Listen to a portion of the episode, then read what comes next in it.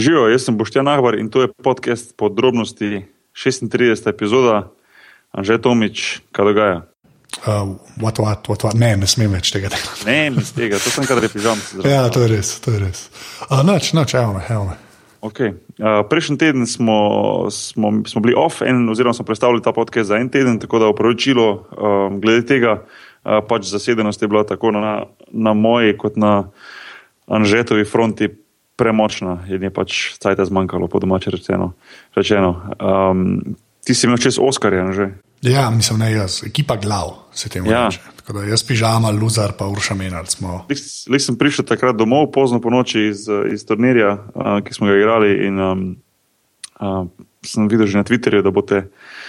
Da boste pridni po noči, prežgem televizijo in res vas poslušam do konca.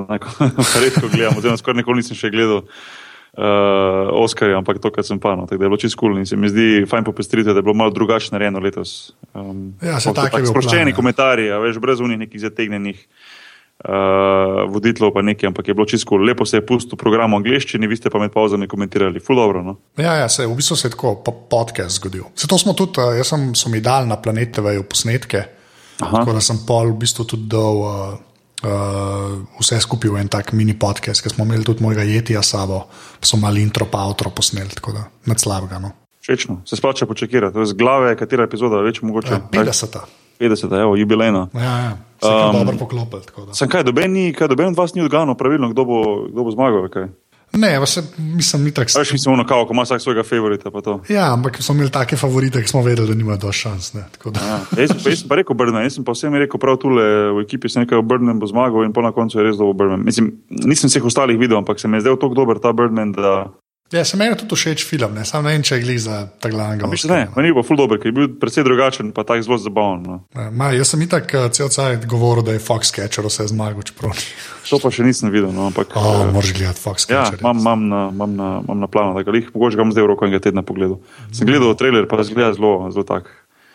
Uh, močen film, bom rekel. Promaš. Ja, v glavnem, v prejšnji epizodi, v 35. epizodi, smo se pogovarjali z Primožem Brezcem, uh, zdaj že druga debata z njim um, o normalno košarki, uh, ampak tudi o ostalih športih, uh, ki, ki jih gledamo, tako jaz, ti kot Primož, uh, oziroma spremljamo, eni bolj, eni manj. Uh, zelo, zelo zanimiva, tako uh, sproščena debata, tako vedno z Brezo.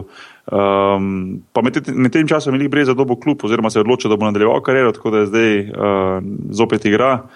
Um, ja, se me je, me je klical dva dni nazaj, da sem, sem mu mal pomagal pri internetu. A res? ja. ja, super. Uh, tako da je se vrnil pod obroče, uh, primož, uh, če poslušaš veliko sreče te sezoni, pa bo zdrav, pa, pa rasturi. Um, kaj je, nekaj, nekaj pošte je prišla? Uh, ja, en mail so dobila, en uh, poslušalec. Domen je v bistvu tebe vprašal, zdaj, zdaj ko sem imela brezca, ker smo se malo že spet o treningih pogovarjali. To, da kako izgleda kondicijski del priprav pred sezono v NBA-ju? Aha, um, ja, uh, v bistvu so pri, same priprave uh, v NBA-ju uh, zelo kratke, v primerjavi z tistih, ki poznamo nekako v Evropi ali pa v klubih v Evropi ali pa v reprezentanci, kjer traja po mesec, dva, tri, a veš, da nabiraš kondicijo. Da, da, Uh, nekako se goniš, eni delajo po stadionih, ne vem, veš po dvoranah, šprinte, ne vem, vse to. V NBA je to vse zelo, zelo skrajšano na minimum, uh, ker je zelo kratek čas za priprave, mislim, da je samo en mesec ali nekaj takega. Tu zraven je še osem prijateljskih, oziroma predprijateljskih, se pravi, pre-season games. Um, zelo malo je tistega fizičnega dela, mogoče samo prvih pet do sedem dni nekje. Uh, to pa zato, ker ima NBA malo drugačno uh, način razmišljanja. Sicer oni pričakujejo od tebe, ko ti prideš na priprave, da si že nekje, bom rekel, 90% pripravljen, kar se mi zdi super. Ne? Ker če si ti profi, ti moraš priti, po mojem, na priprave dejansko pripravljen, uh, sam, sam svoje telo najbolj poznaš, oziroma ga moraš najbolj poznati, se pripraviti na pravi način, si v poletnem času dobiti uh, vem, trenerje ali se dogovoriti s klubom, da ti oni pomagajo pripraviti pred pripravami. Uh, kakorkoli že, ti moraš priti ja, v bistvu pripravljen, da lahko potem odpraviš vse njihove začetne teste in tako naprej, ker oni nočejo izgubljati časa za tem, da, da pa igravce um, fizično pripravljajo. Uh, se pravi, kar hiter ti nad pripravo že začneš delati taktiko, uh, uh, delati tehniko in tako naprej. In to se meni zdi super, super um, način v primerjavi z, z tem v Evropi, kjer ponovadi te fizične, bazične priprave trajajo res dolgo in uh, se doska zgodi, da je mogoče malo že pride do tiste zasičenosti, uh, še preden nekak sezona začne, ker z ekipo preživiš recimo dva meseca, praktično vsak dan skupaj, po dvakrat, eni celo trikrat na dan, non-stop se gledaš, potem na pripravah, v hotelih, na potovanjih, v, pri, pri, pri obrokih, veš, in pride malo do tistega zasičenosti, utrujenosti, je, a veš, sezona se pa še začela ni. V Ameriki imajo malo drugačen način dela, kjer pač pričakuje, da si že pripravljen. Um, tako da meni to, meni to na nek način boljšno. Um, so pa to te razlike med Evropsko in pa, pa MB košarko, o kateri smo že večkrat debatirali, tudi mislim, da z Benotom nekaj, a neko smo ja. govorili s njim uh, v Zbrezu, seveda pa se mi zdi, da mislim, sem prepričan, da prihodnosti še s katerim gostom, ki je pač uh, iz sveta basketa in tako naprej. Um, tako da toliko, no, toliko tem. Okay. Um, zdaj pa napovej, ko, ko bo zdaj. Ja, uh, tokrat pa imamo uh, pripravljen pogovor z uh, Mattom Taylorjem. Matt Taylor je znanstvenik v Evropski, uh, European Space Agency, se pravi Evropski vesoljski agenciji, in je zadolžen, oziroma je bil eden glavnih znanstvenikov pri projektu Rosetta. Um, tisti, ki morda ne poznate, kateri, kakšen projekt je to, to je šlo v bistvu za. za kaj bi rekel, temu sondo, raketo, kako že, uh, ki je pač, uh, bom rekel, v narekovajih ulovila komet, ki se imenuje 67P Čurjumov Gerasimenko, zanimivo je.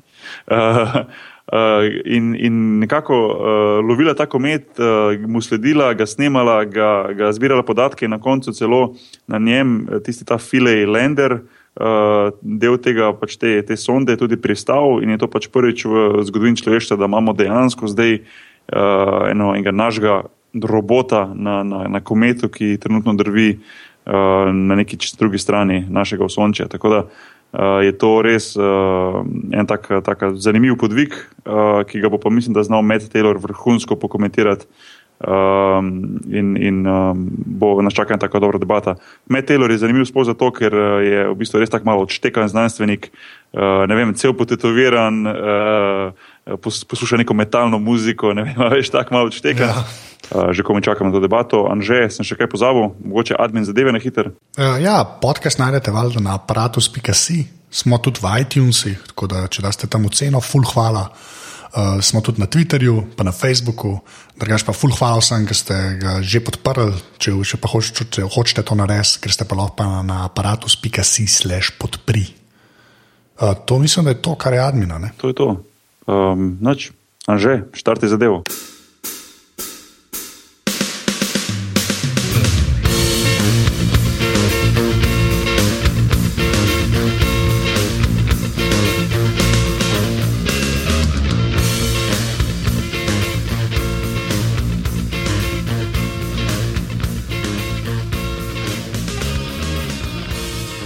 Okay, so we have Matt Taylor uh, here joining us today, uh, British astrophysicist, best known for his involvement in the landing uh, on the comet Churyumov-Gerasimenko uh, by the Rosetta mission.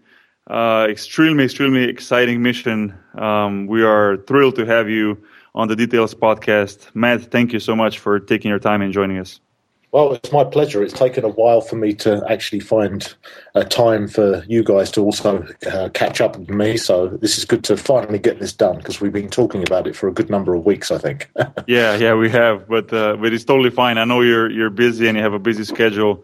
Uh, I can I can only imagine it has to be a pretty crazy year for you uh, overall. But um, as the beginning, we always give a, a chance to uh, to our guests to maybe introduce themselves to the listeners who don't really know a lot about uh, the guests that we're talking to. Uh, maybe in, in a few sentences, um, you know, how did you get involved uh, in in Rosetta Mission, and how did you become, and how do you do today the things you do today? How did you get to the point in your life in your career that you're now? Uh, okay, I am the Rosetta project scientist. That basically means I am the person who tries to uh, enforce the science for that mission. This this is a mission that's uh, rendezvoused with the comet, has deployed the lander Philae to the surface of the comet, and my job as project scientist is to uh, liaise with all of the scientists that uh, have the instruments on the space uh, on the spacecraft, a number of experts in the field to make sure that the science that we want to do with the mission gets done and that I basically have to discuss and and, and uh, interact with the operations people to make sure that this this does get done, and that's a difficult thing to do for a, an unknown entity as we have like as as a comet. It's quite a it's not a trivial thing to fly around a comet as we're finding uh, day in day out. Uh, in terms of where I come from, I um, did a PhD in uh, plasma physics or space plasma physics in around 2000. I did some postdoctoral uh, work in both uh, the UK and the US. I worked in Mullard Space Science Laboratory in Surrey on uh, a mission called Cluster, which is still flying around the Earth at the moment. It investigates how the solar wind, the outer atmosphere of the sun, interacts with the Earth's magnetic field, ultimately how auroras are uh, formed. But the, it's the physics behind that that that, that mission in, uh, is focusing on. And I worked on uh, a number of uh, aspects of that mission. I also worked in the US in Los Alamos. Uh, the, the, the, the, the weapons lab there, but I was working again on on cluster there. There were some researchers looking at that that kind of science. Then I came back to the UK and then ultimately got a job in ESA in 2005 working on clusters of, uh, in the project science area. And two years ago, I was offered the opportunity to work on Rosetta. And that's basically a potted history of my life to now. Interesting. What does it mean? Like you got the opportunity to work on Rosetta? Is it like a dirty dozen thing? Just some guy shows up at your door and asks you, or how does that work? Yeah, I'm like I'm like the Telly Savalas of ESA. uh, yeah, what was his name? Maggot in the film. Yeah, maybe I should. Uh, yeah, that's it. um, um, it was basically there was a, a, reorganization internally on the project and uh, they went down the corridor and i was the person that said yes. You, you mentioned uh, the name the rosetta mission and the lander philae um, first off uh, how did how did the mission and the lander get its name? Who selected the name and why those names? It's, to me it's always interesting how these different missions get different names and i'm wondering how exactly did that mission get those the name and the lander got the name philae that's a good question, actually. It's it's alluding to the fact that we consider Rosetta the mission. Uh, it's looking at comets. We look at comets as being um, kind of a, a, window into the past, a, a, window into the origin of the solar system. So, you know, 4.6 thousand million years ago, uh, when the when the solar system first formed, comets are considered to be the leftover debris of that of that process. They're kind of the, the bits left over. So the material we see inside comets, uh, or we look at comets for, is to get an idea of what the conditions were at the beginning of the solar system, and that gives us a better idea for how the solar system has evolved uh, as we know it today. So the the the kind of comparison or the naming came out of the Rosetta Stone and the Philae obelisk. These were two um, tablets, stone tablets that had Egyptian hieroglyphs on them as well as Babylonian text, and it allowed uh, Egyptologists to basically crack the code of the hieroglyphs, the Egyptian language. So, in the same way that that was a way of understanding this or breaking the historical language, understanding the historical language of the uh, the Egyptians, we look at Rosetta, the spacecraft, as kind of looking at the the, the language of the solar system or uncovering the, the the mysteries of the solar system. Okay, so I have like a weird question now. So just bear with me. Does it become commonplace for you to just work on stuff that goes into space? Because I think like your job is basically like I'd just be in awe every day if I had your job. Like, have you just become jaded, or or, or is, is it still fun? Basically and exciting? Um, that's a difficult one, actually. It's funny because it is, is it's exciting, but the thing is, it's like it becomes like any job. I spend my day doing the work, uh, so it's it, there. Are, there are negative aspects, should I say, of because it's it's a difficult mission. It's a difficult thing to do. Space space is a difficult um, area to to explore, and so yeah, it's in the end. I know it sounds terrible, but it, it's like any other job. You get up in the morning going, oh, right, what have I got to do now? Uh, um, and you know, I have something like 300 emails per day coming in my uh, inbox to, that I, I filter through. There's some, not all of them are really applicable to me, but I try and keep a, a level of understanding of what's going on in the mission. So you're you're doing that. You're doing interactions. You're trying to. Um, uh, I wouldn't say lobby, but you're you're constantly trying to look for for, for the best scenario you have a mission. So yeah, in the end, um, one one steps back. So today, for instance, I was uh, giving a presentation at um, a kind of it's a it's the, the transitionary college in the UK. It's a sixth form college. It's where you go from high school, then you do this uh, course, these courses, and then it allows you to go to university. So I was giving a talk to a number of these students who are about between uh, 16 and 18 doing those kind of talks reminds you of the bigger picture, the reason why we do this, why we do exploration, why we do science, why it's cool. Uh, but then day to day, you, you kind of uh, you, you, end up distancing yourself from that because you're focusing on all of the digits. You're focusing on the the, the, the and scrutinizing the, the normal day to day stuff. So it's good to do those kind of presentations to talk to you guys on this this kind of interaction as well because it reminds you why you're doing what you're doing as a job, and that then you remember actually what I do is quite cool. Uh, and and my kids think I'm cool, so that that's all that matters now. Anyway, yeah. Uh, well, since since you're mentioning cool stuff, um, correct me if I'm wrong, but you know, I you know I'm definitely not I'm not a rocket scientist or, or, or anything like that. But you know, I follow uh, you know news and, and and missions connected to space pretty much daily, and um, it seems to me that there's many space missions these days. You know, involving you know whether it's uh, private, uh, you know, private companies or, or, or, whatever it is. You know, one of those was, you know, e- ESA doing their thing, NASA doing their thing. You know, uh, other other countries getting involved. I mean, is that um, is it is it is it really that it's more and more these space missions that these days, and can, we can kind of say that it's finally hitting quote unquote mainstream?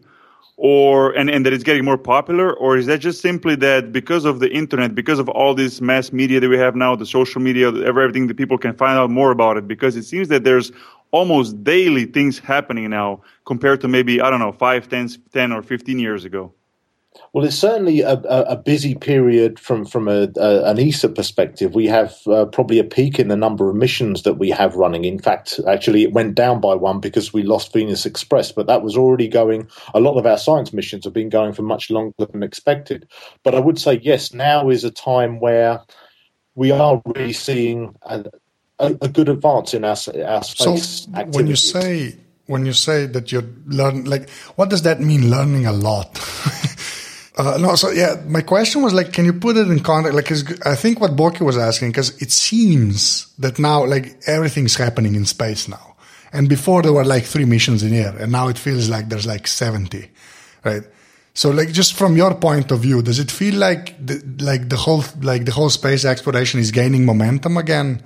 Or has it been like this for a while now and like we're just catching up basically? Um, i think it's a little bit of both. In some sense just you know to quote star trek and gene roddenberry space is the final frontier. So it is the place where we were pioneering in you know once we had uh, sputnik and then we had the the, the, the moon programs etc so that was when it was really groundbreaking. We had our first satellites going up. In the talk i gave today i was talking about giotto in the 80s which was when uh, so that was the europe's first deep space mission going to Comet Halley, and that was where Rosetta was born from as well. But at the moment, I think it's right that yeah, we're seeing uh, a lot of activity in space, but I think ultimately we have to have uh, activity in space. It's where uh, we as humans, and this is part of this, part of the reason why we do these missions, at least from the scientific perspective for me, these missions are the reason why we are still not in caves, sitting there, you know, looking at our navel kind of thing. We, we, we are, we have a natural idea or a natural want to go and explore, and, and space really is the next place to go. And it offers, uh, well, I wouldn't say in, in an infinite amount of uh, options, but it really is uh, just something that there's something about space that, that, that touches a lot of people that you remember for one thing. You know we see this with the blue dot and, and and this kind of thing where we really are quite small when we look at the entire universe in, even in our solar system. So i think it's something that's important for everyone to consider at least from a philosophical point of view. But i think now we're, we're seeing a lot of interest. We're seeing more towards the commercial. This is this is now building and i, I won't say too much about it because i, I work for the european space agency so I, sh- I shouldn't be really talking about commercial commercial space, but that's now what we're seeing. We're seeing it's becoming, because of the technology that's been developed in previous missions, that's what happens. You learn. You learn from what you've done before, and now it's becoming financially viable for commercial vehicles to start working. So private companies, it's not just the, the want of entire countries or groups of countries as we have with uh, ESA. It's now something that companies can do. And it's a commercially viable uh, activity. Uh, well, well, since since you're touching on that subject, I, I have to ask because um, on the previous podcast uh, we had we had our guest was Angelo Vermeulen, who is uh, uh, working on many uh, interesting international space projects which are connected to space travel. Mm-hmm. Um, he was also on a fourth uh, four month uh, Mars simulation mission. close to a, a Hawaii, close to a volcano in Hawaii. you know, living um, as if him and his crew were living on Mars. Um, and, and I'm just I just want to see your perspective. Know, how you know how um, how close is the human race to actually uh, boarding on a, on a spaceship and going to Mars, or, or you know, um, well, Mars would be probably the close. I mean, it's the closest, and it would be yeah, probably the most yeah. make more sense. But still, how far, how far, how close are we to actually actually doing that instead of just talking about it and doing uh, missions and trying to simulate it on, on Earth? But your perspective on on on space travel, not just sending uh, probes and, and, and, and you know satellites and so on and so on into space, but actually sending people further away from the moon. Well, this is this is the next step. Obviously, I mean, we it becomes a bit. I mean, I, I, met my first astronaut uh, last month, and then uh, you know I spoke to another astronaut the the other the other week as well. And you th- you have to recall that we're actually in space all the time. We've got people up on the ISS. Okay, people maybe become a bit blasé, a bit used to the fact that we're doing this, but it's it's a really difficult thing. And that's the first step. You have to have permanent residence in space to get used to that kind of thing, to get used to how it is to work and, and live in space. And then, yeah, then you do it in parts. And that's that has to be the next step. As I say, it goes back to um, exploration. That, that, that's what we want to do as humans. But we start doing it first with robots because that's much much cheaper for one thing and it's much less risky you learn uh, a lot of stuff without putting humans at risk and that's a big problem with space. It's a dangerous place. We we had this uh, very recently. Last month, there was a possible issue with the ISS, and all of a sudden, all the astronauts were put down one end in, into an escape capsule just in case mm-hmm. something was going to go wrong. And I think this happened with the Apollo missions. You know, you watch Apollo 13, people seem to be, oh, you know, they they were on for the next best thing. They they they'd lost interest, as it were, in in space because it had been done because the moon had been landed on already. But it's a massively difficult thing to do for space travel. And then if you're adding human beings as well, they're very soft and, uh, well, we are very soft and, and, and, there are dangerous things that will hurt us. So it is a massive challenge to do this every time. And we see this. We remember the, the horrible tragedies we've seen with, uh, uh, with, with some of the shuttle uh, flights in, in, the last decades. Mm-hmm. And it just it serves as a reminder how brave and, and how heroic uh, our, our astronaut colleagues are for doing what they're doing. They're, they're the groundbreaking ones. They're the ones that are pushing the limits to to enable us to go beyond this this planet that we're on now. So I see that it's a natural progression. It's going to happen. It just takes some time to really get a feel for how we can do it, what the requirements are. But but it's going to happen. So do you do you keep tabs on all of that, like in your job, or is that just basically I don't know, uh, like a like a hobby.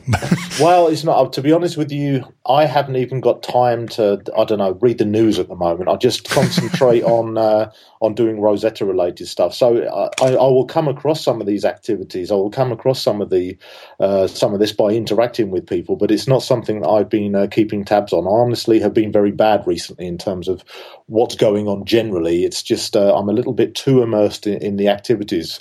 I think this is a thing with Rosetta. People considered last year to be the busy period, but I knew and many of my colleagues knew that this was the year that was going to be the most busy for all of us because last year it was operationally driven. It was to try and characterize the comet, to, to get the lander down. And this year was the time where we were going to be making the science observations, doing the science, and, and that's it. And that's really what it is now. It's it's twenty four seven. So it, it, that's how it breaks uh, down. Like the the mission. First, you basically have to get there, and that's a whole undertaking, right? And then when you're there, then the science starts? Uh, well, we are doing science in, in, the background from what we were doing last year. If you remember, so we had we exited from hibernation. We'd been put in hibernation since June 2011 because we'd gone so far away from the sun. So in January 2014, we came out of hibernation. We were returning towards the sun. We were having we were going to have enough power to power the solar panels to power the spacecraft, and we did that and then we rendezvoused with the comet eventually in August. But all of this was a general progression of getting the spacecraft up, learning what the what the comet, the body that we were going to fly around, looked like. If if I recall that only less than a year ago, we still didn't know it had this crazy, strange duck shape that we now are so familiar with. But a year ago now, we still didn't know that. So we were going towards a body. We were going to for the first time orbit around something we had never seen up close. We didn't know what it looked like. And then because we're crazy, we were going to deploy a lander as well. If we look at if we look at the moon, we look at Mars, we've done that we've done landings on these bodies but we took time. We said we'll send a few lander uh, send a few orbiters first. We'll observe it from the ground. We'll get a good characterization of what this body looks like. And in principle they're moons and mars. It's a it's a spherical planetary object. It's not as difficult as flying around a comet which is changing its activity in time as well. So it's not a static object. It's a dynamic object. So it was a bit crazy to do those two steps where before with Mars again with the Moon and Mars, you send orbiters first and then you deploy a lander. We were doing those two steps in one go, and we did it all within a year um, and that year began with not knowing what the comet really looked like. We had a rough idea. We thought it looked like a grey potato, but now we know it looks like a black duck. Uh, so it, that was a, a, massive challenge in terms of operations. But on the back of all of that, we were doing science, of course. That's what was released um, in, in last month's uh, science special issue. So we saw the data, the, the data analysis and, and the science that was done while doing these operationally driven uh, observations. Of course, by being an object, you're going to do science, but they were really the focus was on the, the the, operational constraints, getting to know how the spacecraft will behave around the comet, and also selecting a landing site. And that's ultimately what was driven last year. And now we're in full science phase, which is um, double trouble, in fact, because we have to plan two um, two trajectories. We, we're always dual planning. We plan for the, the set of trajectories and the observations that we really want to do, given our best guess or idea of how we think the comet's going to behave. And then we also have to plan a backup plan in case that those guesses are wrong and that the comet's so active it pushes the spacecraft away. So we're constantly doing this dual planning all the way through this year, and it's quite an overhead. Okay, so like, okay, make this the, the answer as simple as you can, but uh, like, how many variables are there then?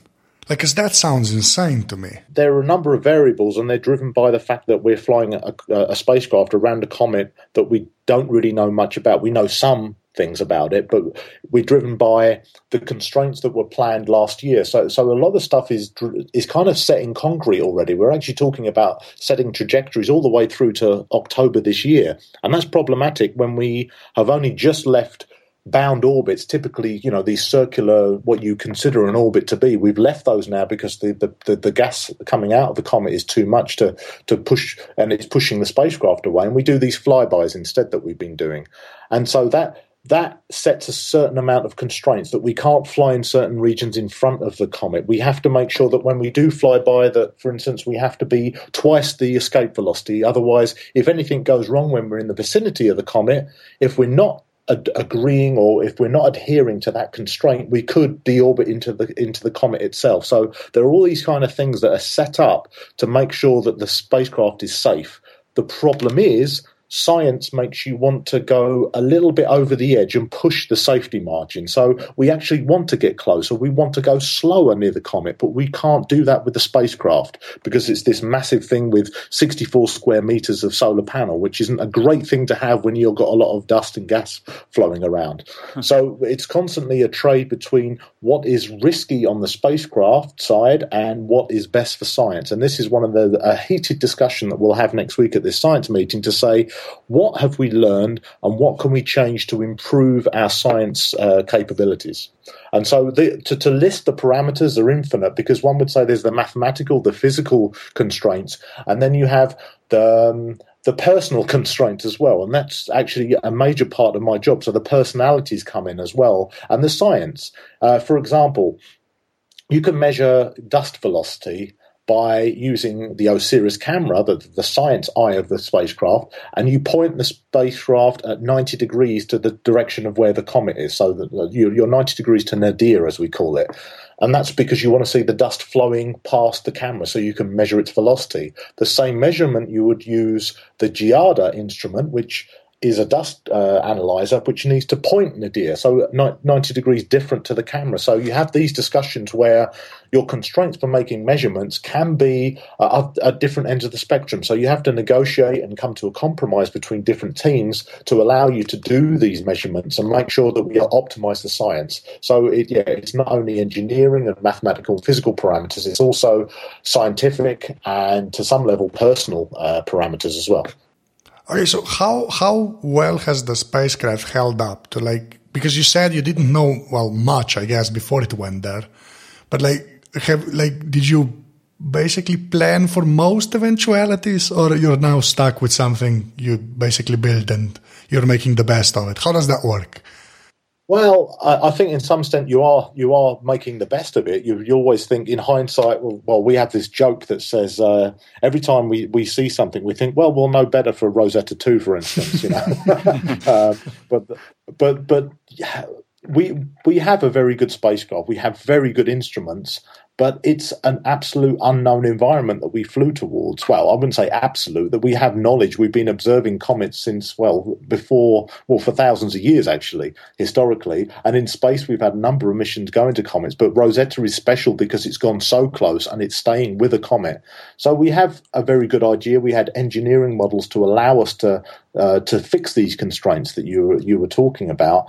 And now is the time where we're trying to say, well, we had this constraint that said we have to maneuver here. Do we still need that? Because we were seeing that actually it didn't look like we needed it. So when we do future planning, can we cut that out of our constraint list and therefore it gives us a bit more flexibility to do to do more? Maybe it gives us more fuel in the long run. So that's happening now. We we're basically acting on our knowledge. And uh, I think I was saying it earlier on where we've just come out of these bound orbits, these classic circular orbits, and now we're doing these flybys, we're seeing different parts of the coma, the outer atmosphere of the comet. We're seeing the day side, whereas before we were in the Terminator, where you're kind of flying in a circle around the, the night to day side, um, you know, the, the line that you draw from from, those two differences, the the, the, the, the, the plane that's formed between the day side and the night side. We were in orbits there. Now we've actually gone fully on the day side. And this flyby in, um, well, last weekend, last Saturday, actually passed across, or Saturday week, it was Valentine's Day,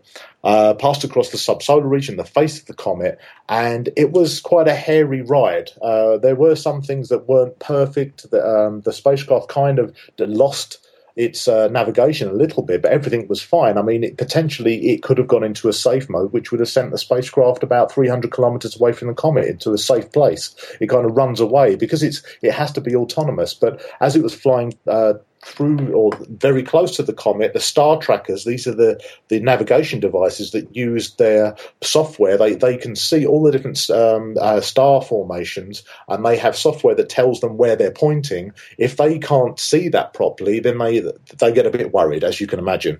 And yeah. so this this is this is this was a potential problem and is always a potential problem when we get closer to the comet where there's more activity, there's more dust, the pointing goes off. We're semi-autonomous, basically because uh, signals take about half an hour to get to the comet in one direction, so we can't fly this thing by joystick. We plan trajectories. We assume that we know we'll have a certain error in where we think we're going to be, and if that error is greater than we predict, the spacecraft will determine itself that it has to get away because it's in danger, and then we have to go through a quite a long uh, procedures to try and get back again to analyze why we went there, why we had trouble. But so far, things have gone well. I mean, yeah, we're, we're still there and we're still doing the science that we plan to do. All right, so, there's so, the lag so, also, yeah.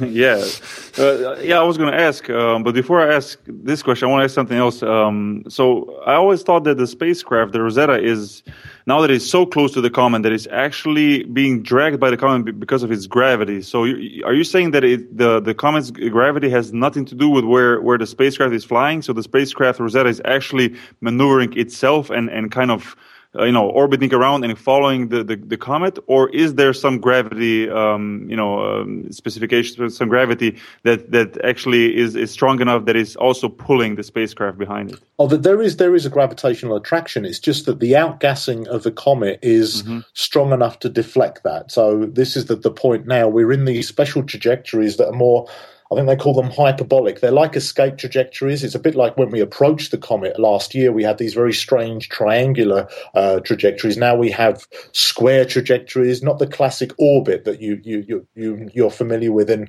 well, by definition, an orbit brings you round to the, roughly the same place. So we were doing that all the way through January, and we had predicted that we would come away from the comet and start these other trajectories because the activity of the comet would overcome the gravitational attraction. So you wouldn't wouldn't be able to have this classical uh, two body interaction. It's there still, gravity's still there. It's a, you know it's a fundamental force, but the outgassing of the comet is overcomes that attraction.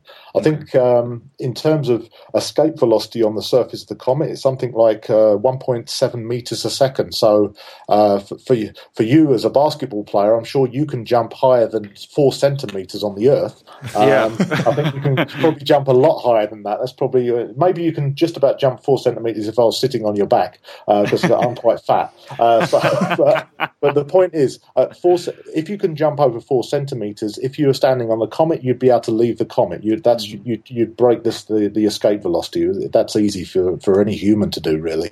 Right. So it just gives you an indication of how small the gravitational attraction is on the, around the comets, and that's what makes it a very weird environment. When you look at look at the, the, the images we get from the navigation camera, from the OSIRIS science camera, you look at features and you, you start considering ter- terrestrial analogs, things that you see on, on Earth and think, oh, it looks like this, it looks like a rock, it looks like. But then you have to consider the alien environment that this body is. If you look at the duck shape and you consider where the um, the back of the duck, as it were, if if you're sitting on that, what are the what's the gravitational potential actually doing? In fact, if you consider that the just looking at the shape, that the center of gravity is probably in the neck. So if you were sat on the back, the gravity will be pulling you technically pulling you towards the center of the uh, of the neck. So how does that work? I mean, this is a simple um, you know, conception. It probably isn't doing that. There's probably different uh, gra- uh, gravitational potentials, and that's some of the science measurements we're making. But this kind of concept of a low gravity, weird shaped object how does gravity work? How does it interact with the particles that are lifting up? How does the sun is the sun charging? And we've seen this with the moon. The sun charges some of the dust particles and makes them lift off. And then what happens? You know, when we see some of this gas sublimating or pushing off the dust as well. So it's just such a, a strange environment that we're flying around. And, and um, yeah, that that's what makes the mission cool, I guess. So, so where exactly in solar system is the comet uh, right now? If, if I'm not mistaken, it's like if if you look from the Earth's point of view, it's on the other side of the sun, correct? Yeah, yeah, that's basically it. It's over there. Simple answer. Yeah, over yeah. there. Yeah. I'm pointing up in the sky. Uh, yeah, I mean that's actually one of the one another constraint actually that we have at the moment. This this conjunction is highly problematic in terms of observation. So uh, we have a lot of ground based support where they look at that they're looking for the comet from the ground uh, scientifically, but also operationally. To you know we can monitor it from the ground. I mean even in August there were measurements made made by the European Southern Observatory, and they were measuring the, the comet Coma, the outer atmosphere in the tail, to be something like twenty thousand kilometers already, so it's a really big entity.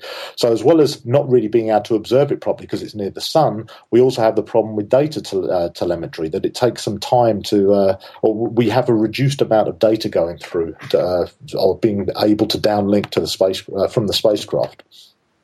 Okay.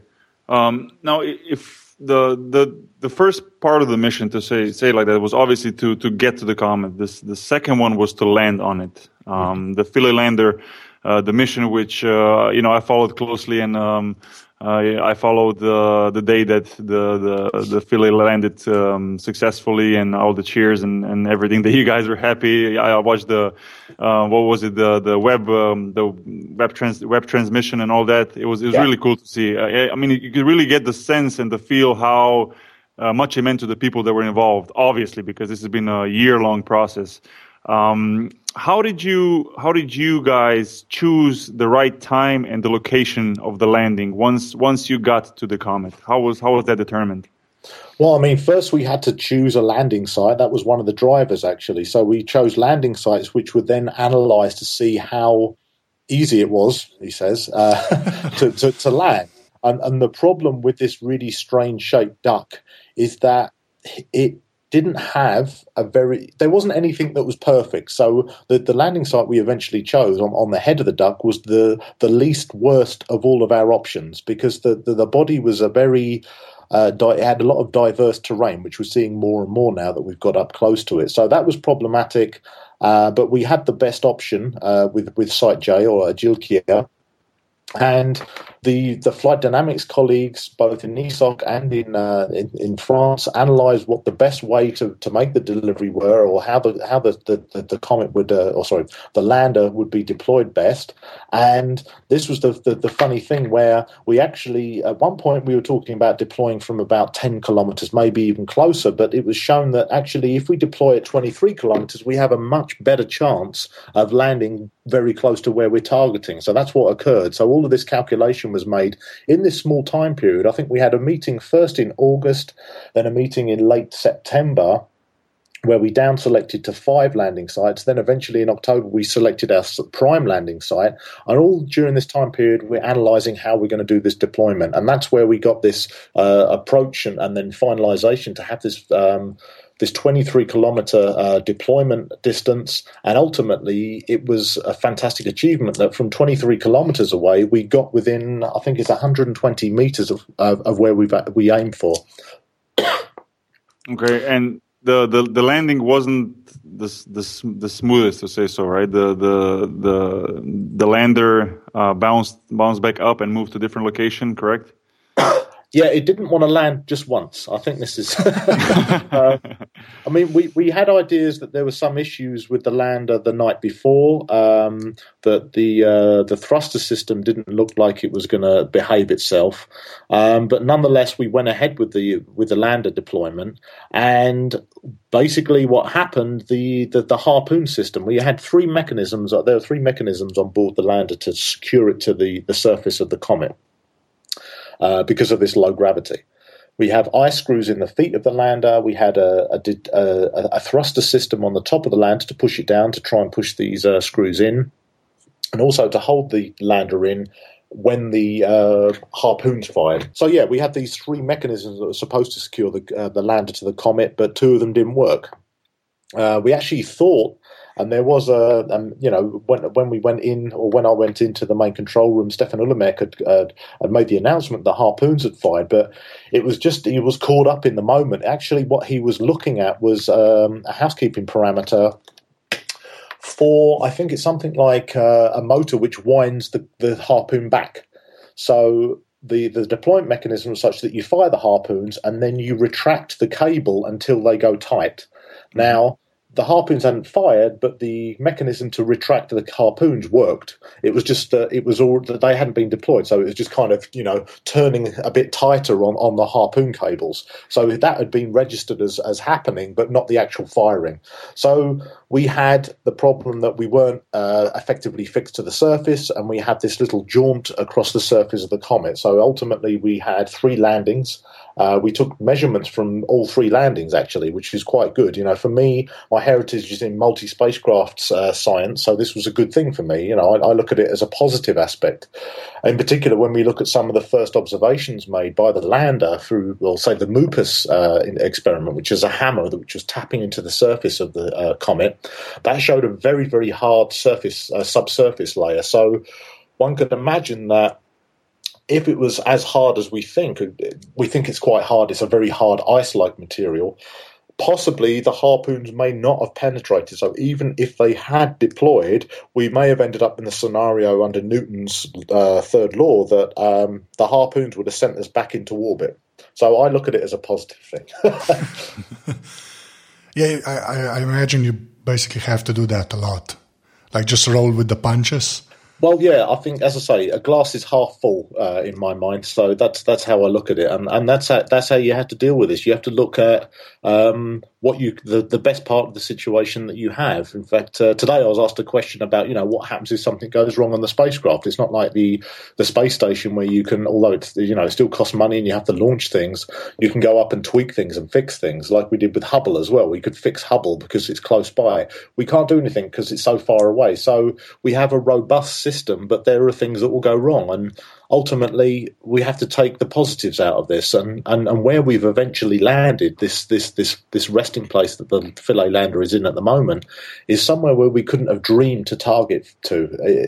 It's really giving us a vision of kind of a it looks a, a very primordial, microscopic um, landscape that we're being able to observe because we have the, the resolution now. Nothing compared to we have on on the on the orbiter. We can get down to something like 11 centimeters. That was the the, the, the scale or the resolution of the images that hopefully we'll see released. Um, this week from this close flyby from about six kilometers. The resolution of the camera there, six centimeters per pixel we have images of millimeter scale uh, of the surface. So we were seeing stuff that wasn't as dust covered as the, the main, the first landing site that we were going to hit.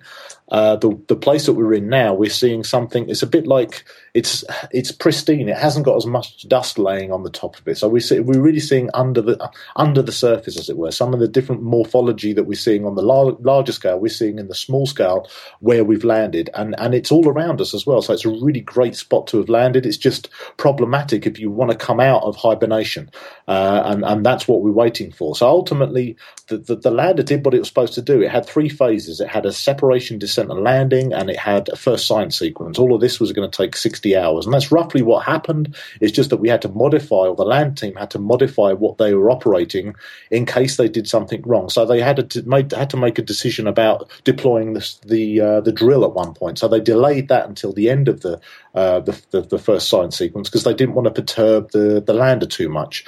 So they, they were slightly changed a lot of the sequences, but they still um, secured a number of the science objectives that they had. And then the lander, as designed, had to go into hibernation. It's just that it's in hibernation longer because it has a it's in a situation where it hasn't got as much illumination as it would have had if it was in the, the center of the landing site. So that's what we're waiting for now, and we will begin listening for it. We have to listen from the orbiter to see if the lander's come back on. There's nothing we can do. We can, we can do nothing from the orbiter. The lander is autonomous completely. It'll come back when it's good and ready, and we'll start listening in, in March. We'll start, you know, the, the year of the uh, the orbiter. We'll, we'll, we'll listen out to see if the, the lander has come back or not. Yeah, that was that was going to be my next question. Uh, the hibernation um, that it's that is basically resting and and and uh, resting tightly now, and and um, you know you guys are just waiting for it to to to wake back up and, and give new new information, new uh, new updates, which which I know it's it's going to be a very exciting moment once once that happens. Um, how how does it actually work? I mean, is there like a, an alarm in like the the the the ESA room uh, that goes off when when when it's going to come off the hibernation? How does it actually work once that's going to happen?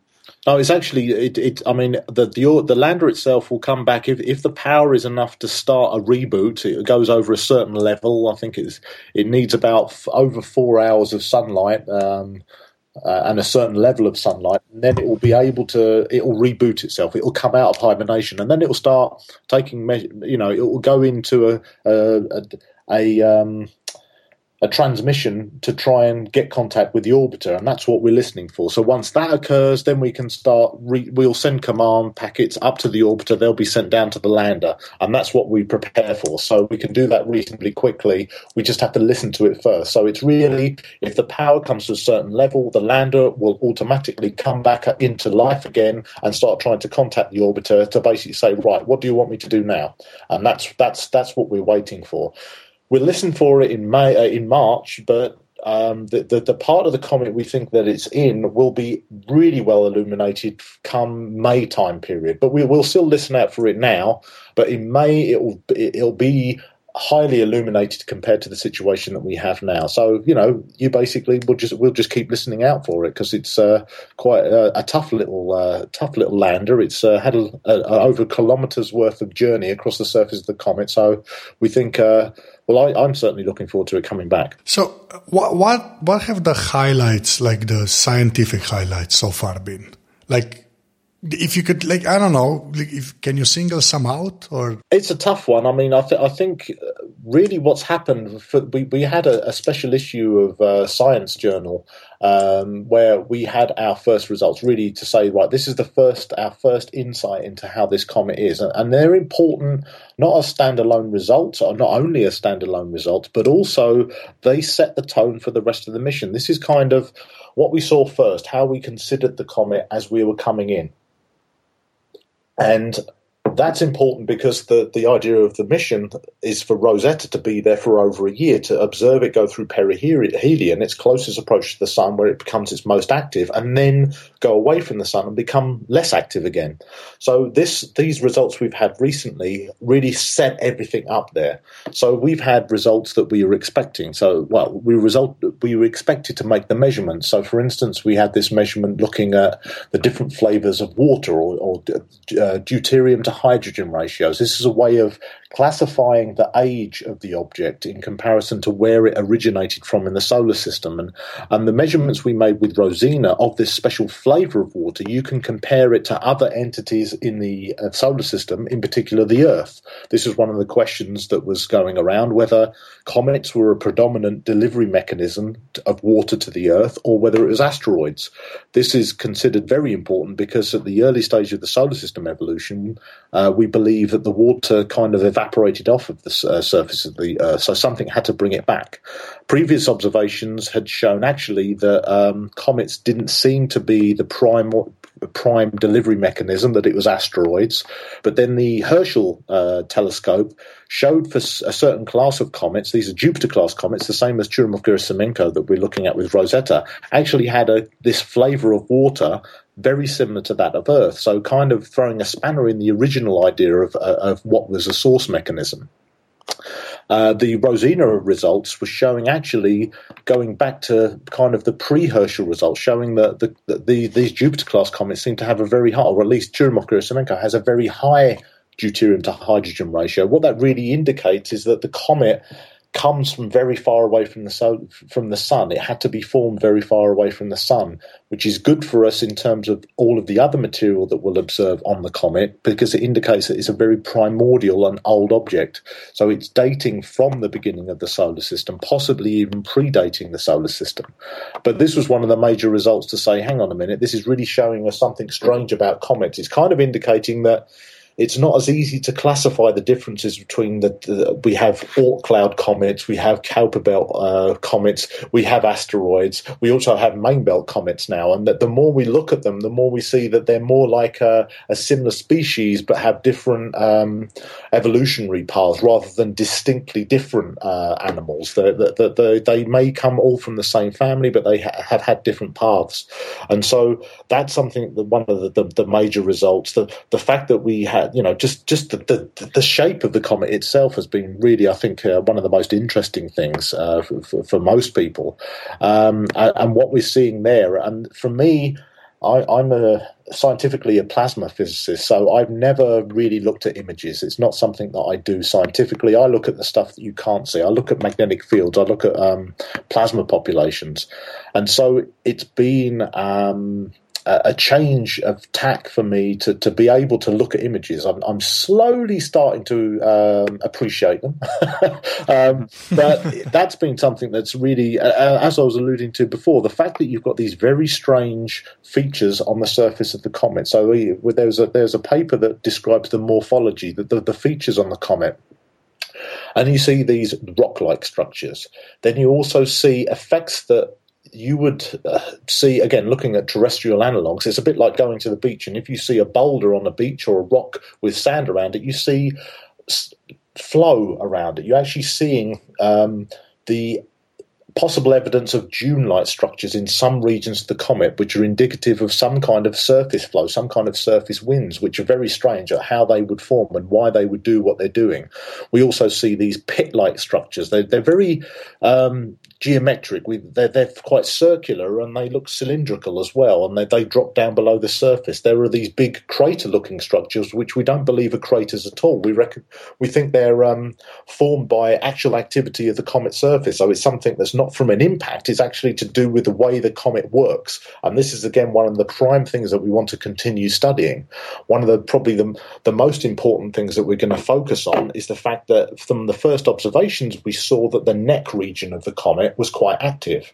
Now, if you look at it, you say, "Well, is it two bodies that were stuck together, or is it carved out by activity?" And this is an ongoing discussion as to whether it's a a binary contact, two two bodies stuck together, or activity has driven the, the neck to be carved out, and that's what we're seeing at the moment.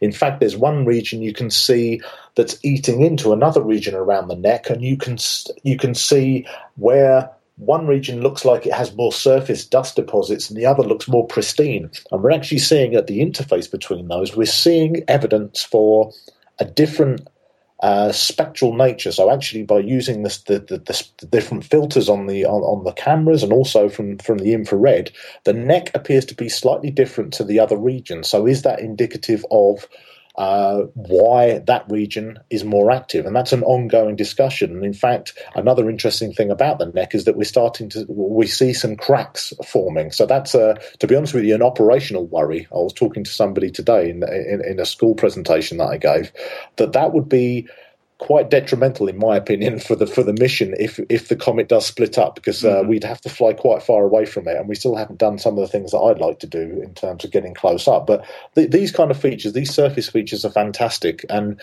uh, you know, just just the way we're investigating the coma. I'm trying to, now. I'm talking about all of the science that we've done. I can't pick out single things. It's difficult. Uh, the, the fact that we we're getting an idea of what the comet perfume is like. The fact that it's it smells of ammonia, it's got sulfur in it. It's it's actually a horrible smelling thing if you were there. Um, but uh, as as some of my colleagues have said, it should be okay because there's enough alcohol. So I mean, the fact that it smells, it smells and it's alcohol is like a really a good or a bad Friday night out, depending on what your perspective is.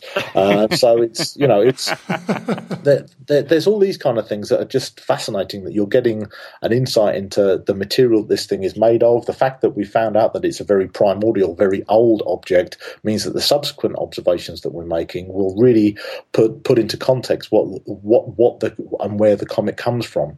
We we have dust experiments that are starting to give us an idea of how the dust works around the comet. It hasn't got much ice in it, but then there are indications that this is starting to go the other way, that we're having more dense particles come. So maybe what we're seeing is the comet is throwing off its old dusty layer that it's gained since going away from the sun last time, and now we're seeing the new fresh stuff coming off, and that's that's the thing that these first results set into context. So we see that first, and now the next observations we make by doing these flybys and having this this this long term plan of fly, of keeping Rosetta by the comet for the next year, we get a better idea of how that evolves, and we'll gradually see this evolution of how the activity works and ultimately how a comet works. And that's something that will be unique. And we can apply that to all of the other missions data that we've ever had. And this will be something special for us. Yeah, you, you really answered uh, the question on so many levels. You know, some, some questions that I had, you answered already, and it was you answered it perfectly. Um, it's it's it's really fun to to to follow to follow this this mission and, and to find out all the things that you're you're you're explaining now. Um, I have one uh, one question, which is um, uh, you mentioned, you know, the possibility of of um, you know water coming to Earth through comets or asteroids, or you know, there's different um, different uh, theories about it. But another question I want to ask you is when it comes to life on Earth, um, the the hypo- hypothesis of panspermia. I don't know if you, I mean, I'm sure you know it, but I don't know if the yeah. listeners know the, the you know the life. Uh, that life exists through universe uh, distributed through you know meteoroids, asteroids, comets in the form of um, unintended contamination by microorganisms. There's some scientists and some biologists who believe that that's how um, you know Earth, um, uh, how life became, um, you know, how life started in Earth, on the Earth. Um, do you think in that in future uh, missions we'll be able to to find determine that to find that out? And are there some future missions that would target that kind of um, to, to, should I say information to look for that kind of information? Um, you know, and, and, as I'm mentioning the future missions, I mean missions such as Rosetta. Is there another mission in the future that we can expect that would also trying to quote unquote hunt down a, a comet and, and land on it and, and gather even more information specifically about about life in the universe? Well, Rosetta itself will give us some information about that particular question. It's not actually looking at um, having life or organic, uh, you know, living material or, you know, once living material on the comet, but it can look for material that would lead to the creation uh, or, or, you know the, basically the building blocks. And we've seen that with comets before. We've seen this with the stardust mission. That found glycine in from the tail of a comet And so glycine is important because you know it, th- that's a protein. These are building blocks of DNA. So that's an important thing to be looking at, and that's something and why we're interested in comets because we believe they have through through the previous observations, and that what that's what we're going there for to see what the building blocks of life are. So not we're not be able to search for life itself, right? Right. But we're looking for what could have led to the formation of life, and that link to earth and water is also something that's that's relevant here. That if comets were able to have delivered water to the earth, they could also have delivered these primordial building blocks. So things that could then have led to the formation of life. So not life itself, but something that would seed that to, to, to provide you with the, the, the, fundamental building blocks. And that's something we look for um, with Rosetta, and we have the, the capability to do that. So, what what what's planned for the future for the whole mission? And, and where where does it end? When does the mission end? Yeah. Yeah. When does it end? Basically, yeah. When do you guys just say, okay, we're done? ah, well, that's a good question. Uh, it's about money. We're currently funded until the end of this year. That's when when we'd uh, plan to end it. But with the fuel that we see on board, about fifty percent of the launch mass. Uh, so we launched about three tons. Uh, about sixteen hundred kilos of that was fuel. We've got a, quite a bit left now, uh, enough to do the stuff that we wanted to do this year and to go into next year. So we're writing a scientific proposal to ask to be extended into next year. Uh, and that's ongoing at the moment. The, the limitation other than fuel is the fact that we move further away from the sun. So we go into a situation where we have low power. Now we could go into hibernation again. That's one option, but then we'd have to, you know, run the mission even longer, going into another apparition. But then we'd have hardly any fuel left. So we we were kind of having this discussion recently, and one of the, my favourite ideas is to actually use everything next year. So basically say, right, any fuel we have left, we're going to do some more extravagant things, maybe take a few more risks with the spacecraft, but ultimately we'll have an end of mission scenario that gradually approaches the Rosetta orbiter to the comet. So lower and lower altitudes until ultimately we put the Rosetta orbiter onto the surface of the comet as well. We basically deorbit Rosetta onto the comet. Oh, okay. okay. Which I guess then you'll get even greater detail. I mean, it does land or does it crash? It's, I think it's more of a. It's it's it's not a land. It is. A, it's going to be a crash. Although I think somebody was jokingly saying about whether we could try and land it and still communicate. But ultimately, it's an orbiter. It's not designed to hit, uh, to, to be on the on the surface. The scientific gain, though, is to get as close and uh, uh as possible to really get the high resolution images, but get a feel for how that um, that that coma, what the outer atmosphere of the comet is like at those low altitudes, to, to really get the the best that we can uh, as best possible uh, during that time period. And also, I think um, Rosetta's been described as something somewhat of a soap opera uh, in terms of how it's uh, attracting people and, and, and, always has some adventure. You know, whether it's the hibernation exit, the, the, the rendezvous itself, or even the landing, which is quite an extravagant week. Uh, I think when we go through perihelion, we're going to have some exciting times. We're going to see a very active comet uh, in, in August and September this year. But then following that, it's a fitting finale for such an exciting mission to, to, to put it to rest and to have uh, both the Philae and Rosetta sat on the comet for, for, for maybe eternity or as long as the comet uh, orbits the sun. yeah. Uh, quite an epic ending, I would yeah, say. Yeah. Um, I really have to apologize. I have to ask you a question that I should have asked right at the beginning, and I apologize for that. Um, can you just maybe really quickly explain how the trip to Comet looked like because it was it was years long. It, you know, you had to circle the Earth a couple of times first, then Mars, if I'm not mistaken, and so on and so on. Um, just just for the people, so they, they won't think that okay, the rocket took off from Earth and you caught a, a Comet uh, a day or two uh, yeah. flying flying through the universe. Just just real quick. Yeah, um, one of the biggest challenges for Rosetta or for any cometary mission is to actually catch a comet, and that was the one of the the difficult things. Uh, one of your limitations for space travel is to get enough mass off of the surface of the Earth uh, and and get enough fuel to do what you want to do. So even though we had three tons of spacecraft and fuel, it still wasn't enough to get us out to the comet. The comet goes out to the Jupiter uh, to the Jupiter orbit. So we had to use the gravity of the Earth and Mars over ten years. We were flying around and orbiting the, the solar system. We used the Earth three times to slingshot us out towards the orbit of the comet and also around Mars as well. And that brought us out to the orbit of the comet. So by June uh, 2011, we were able to be uh, on our way towards um, the outer parts of the comet's orbit and catching up with it. Basically, on eh, on on that journey as well, we were able to make observations of two asteroids as well. So, as well as making observations of the Earth, the Earth's magnetosphere, Mars, and its local environment and its surface, we were able to do uh, to characterize uh, asteroid Steins and asteroid Lutetia as well. So we did all of that in the decade it took us to get to the comet. So it's a, it's a long journey and, and took a lot of planning and is fantastic when one considers that somebody designed it to do that over 10 years ago and it, and it got within a few thousand kilometers of its target when we came out of hibernation. So it was pretty good shooting, a little bit like the landing as well. That was uh, from 23 kilometers, 120 meters away from the target. So those guys uh, that work, the, do these calculations, uh, do a pretty good job and show you that math is actually quite useful. yeah. yeah. Uh, Matt, thanks, thanks for all this information. Uh, I mean, it's it's amazing, really talking to you. Um, b- before we let you go, I have to ask you, when, when are you getting the new new tattoo?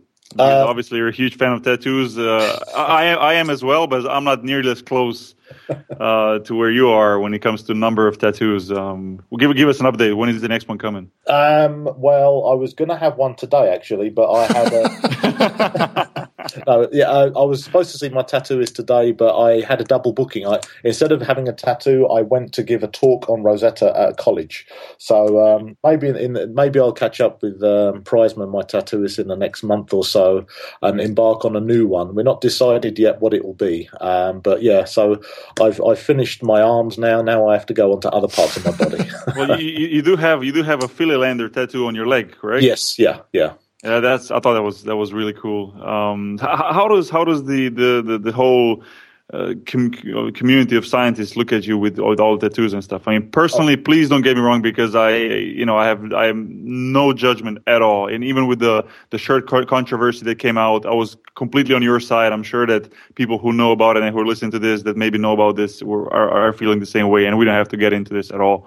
Um, but how how does how does that feel? Do you get a lot of strange looks because of your uh, rock star uh, appearance? Well, or, I don't know if it's rock star, but no, I, I, I, well, I've been on Rosetta only two years. I think I described this earlier on. So mm-hmm. when I arrived on Rosetta, I was very forthright and frank with everyone because it was a new, a newish community. There were still people I knew from the plasma community who work on Rosetta, and they knew me from the cluster mission. And I have a cluster mission tattoo. I'd had that for quite a few years, and people knew me in the cluster community for having a tattoo. And it's or a few tattoos, and it's just something that, that that is that is me. I've uh, something that I learned early on that it was more about what you did than what you looked like. Although there is a time and a place for wearing suits and ties, and that's what I do. There are times to, to be formal, but there are also times to be excited and, and bright and positive about things and, and, and try to show this is what I try and say to, to, to, to, kids that I talk to, to students, that you don't have to look like a particular way. You can be yourself. Uh, you don't have to look like a typical person uh, because it shouldn't be about that. It should be about what you do uh, rather than what you look like. But for when I moved to, to, to Rosetta, because I had a cluster tattoo, I kind of showed them, you know, I didn't get undressed in front of everyone, but I, I gave a presentation and said, if if if uh, Rosetta comes out of hibernation, I'll get a Rosetta tattoo. So I vowed to do it, and therefore I had to do it ultimately, and that's why I had the Rosetta tattoo to demonstrate to everyone that I was committed to the mission. Um, and um, you know, ultimately now I can say in hindsight that it was a very good prediction on my leg, but. Um, you know, it's it's just it's just you know, I, I, just like tattoos. I like the artwork. I have a very good tattoo artist, so it's something that uh, is my my personal life, but happens to be something you can see day to day because it's on my skin. Uh, so, so, yeah, so, I like the artwork. When you when you mentioned the t- tattoo artist, is someone that's someone you can recommend if I'm ever in London and I want to get a get something done?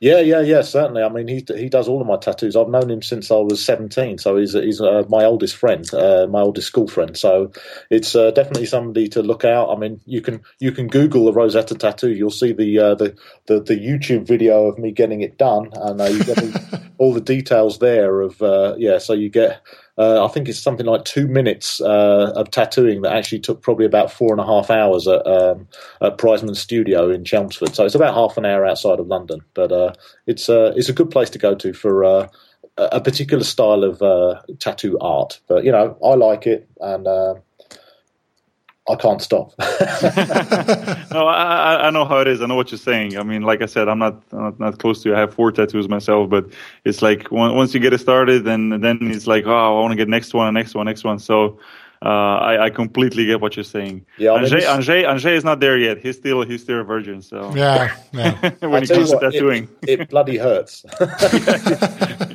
That's the problem yeah. now. Now I'm getting old. It starts to hurt a little bit. It hurts a little bit more than it did last time. So but then, like you say, it's, it's addictive. So I think I, have got my sleeves done now, and I was talking to uh, Prizeman, and he said, "Well, now, now, now your chest looks really, you look naked on your chest, so now we have to do that." And so, yeah, that's what happens. You end up uh, fully yeah, coloured. Yeah. awesome.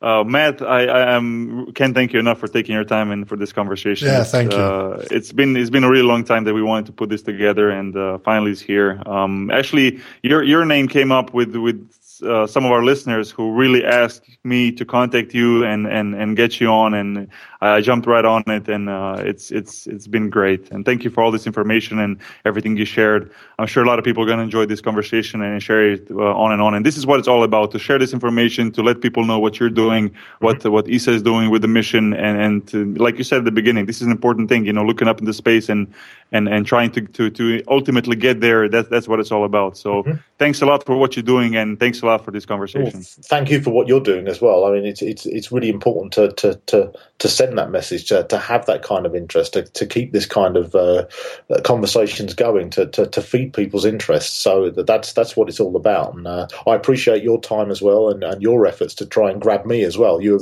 uh, persistent, but also very patient, and I really appreciate that. So it, it's really good, and I'm very happy to have done this now finally because we'd just never been out. We were kind of out of sync and out of phase with time. Yeah, yeah, so it's yeah, worked out really well this time. So I'm happy to you know try and catch up again uh, if we can do it. So would love to do it. Would love to do so it. Definitely. Stay in touch, man. That's uh, would love to do much it. appreciated. Yeah. Thank you so much. Thank you so much. Thank you. Thanks, Matt. Yeah. Yep. Thanks, guys. Have a good Thank one. Thank you. All right. Bye-bye. Bye. bye.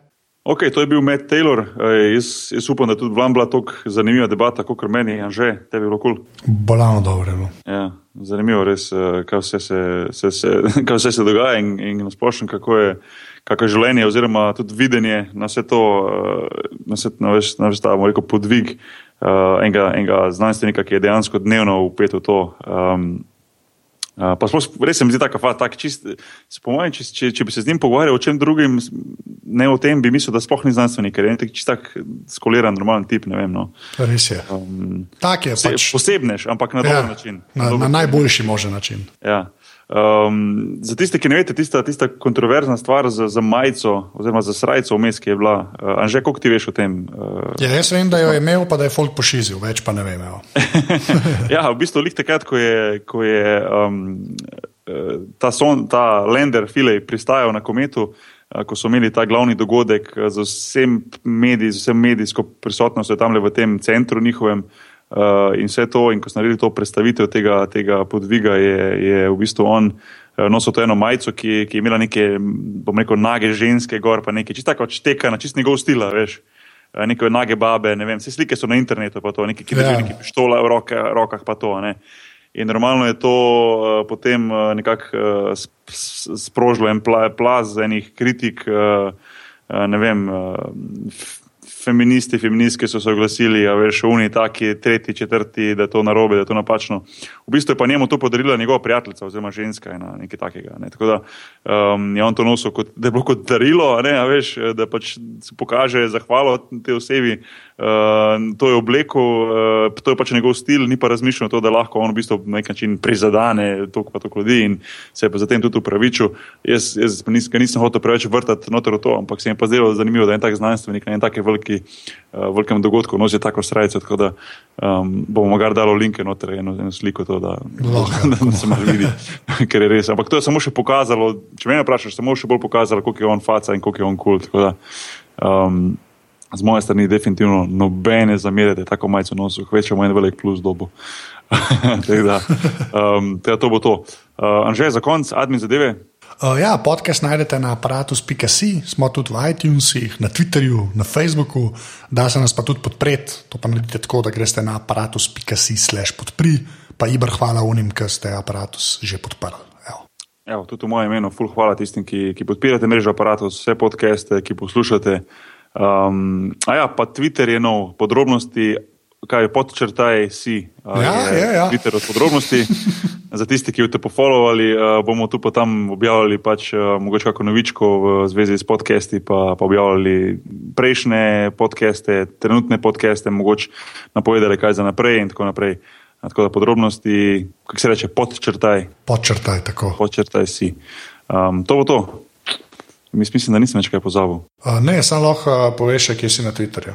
A ja, Bog je nahbar. Ok, jaz sem pa ja. to, zdaj pa rečem. Ajde, srečno. Ajde, srečno.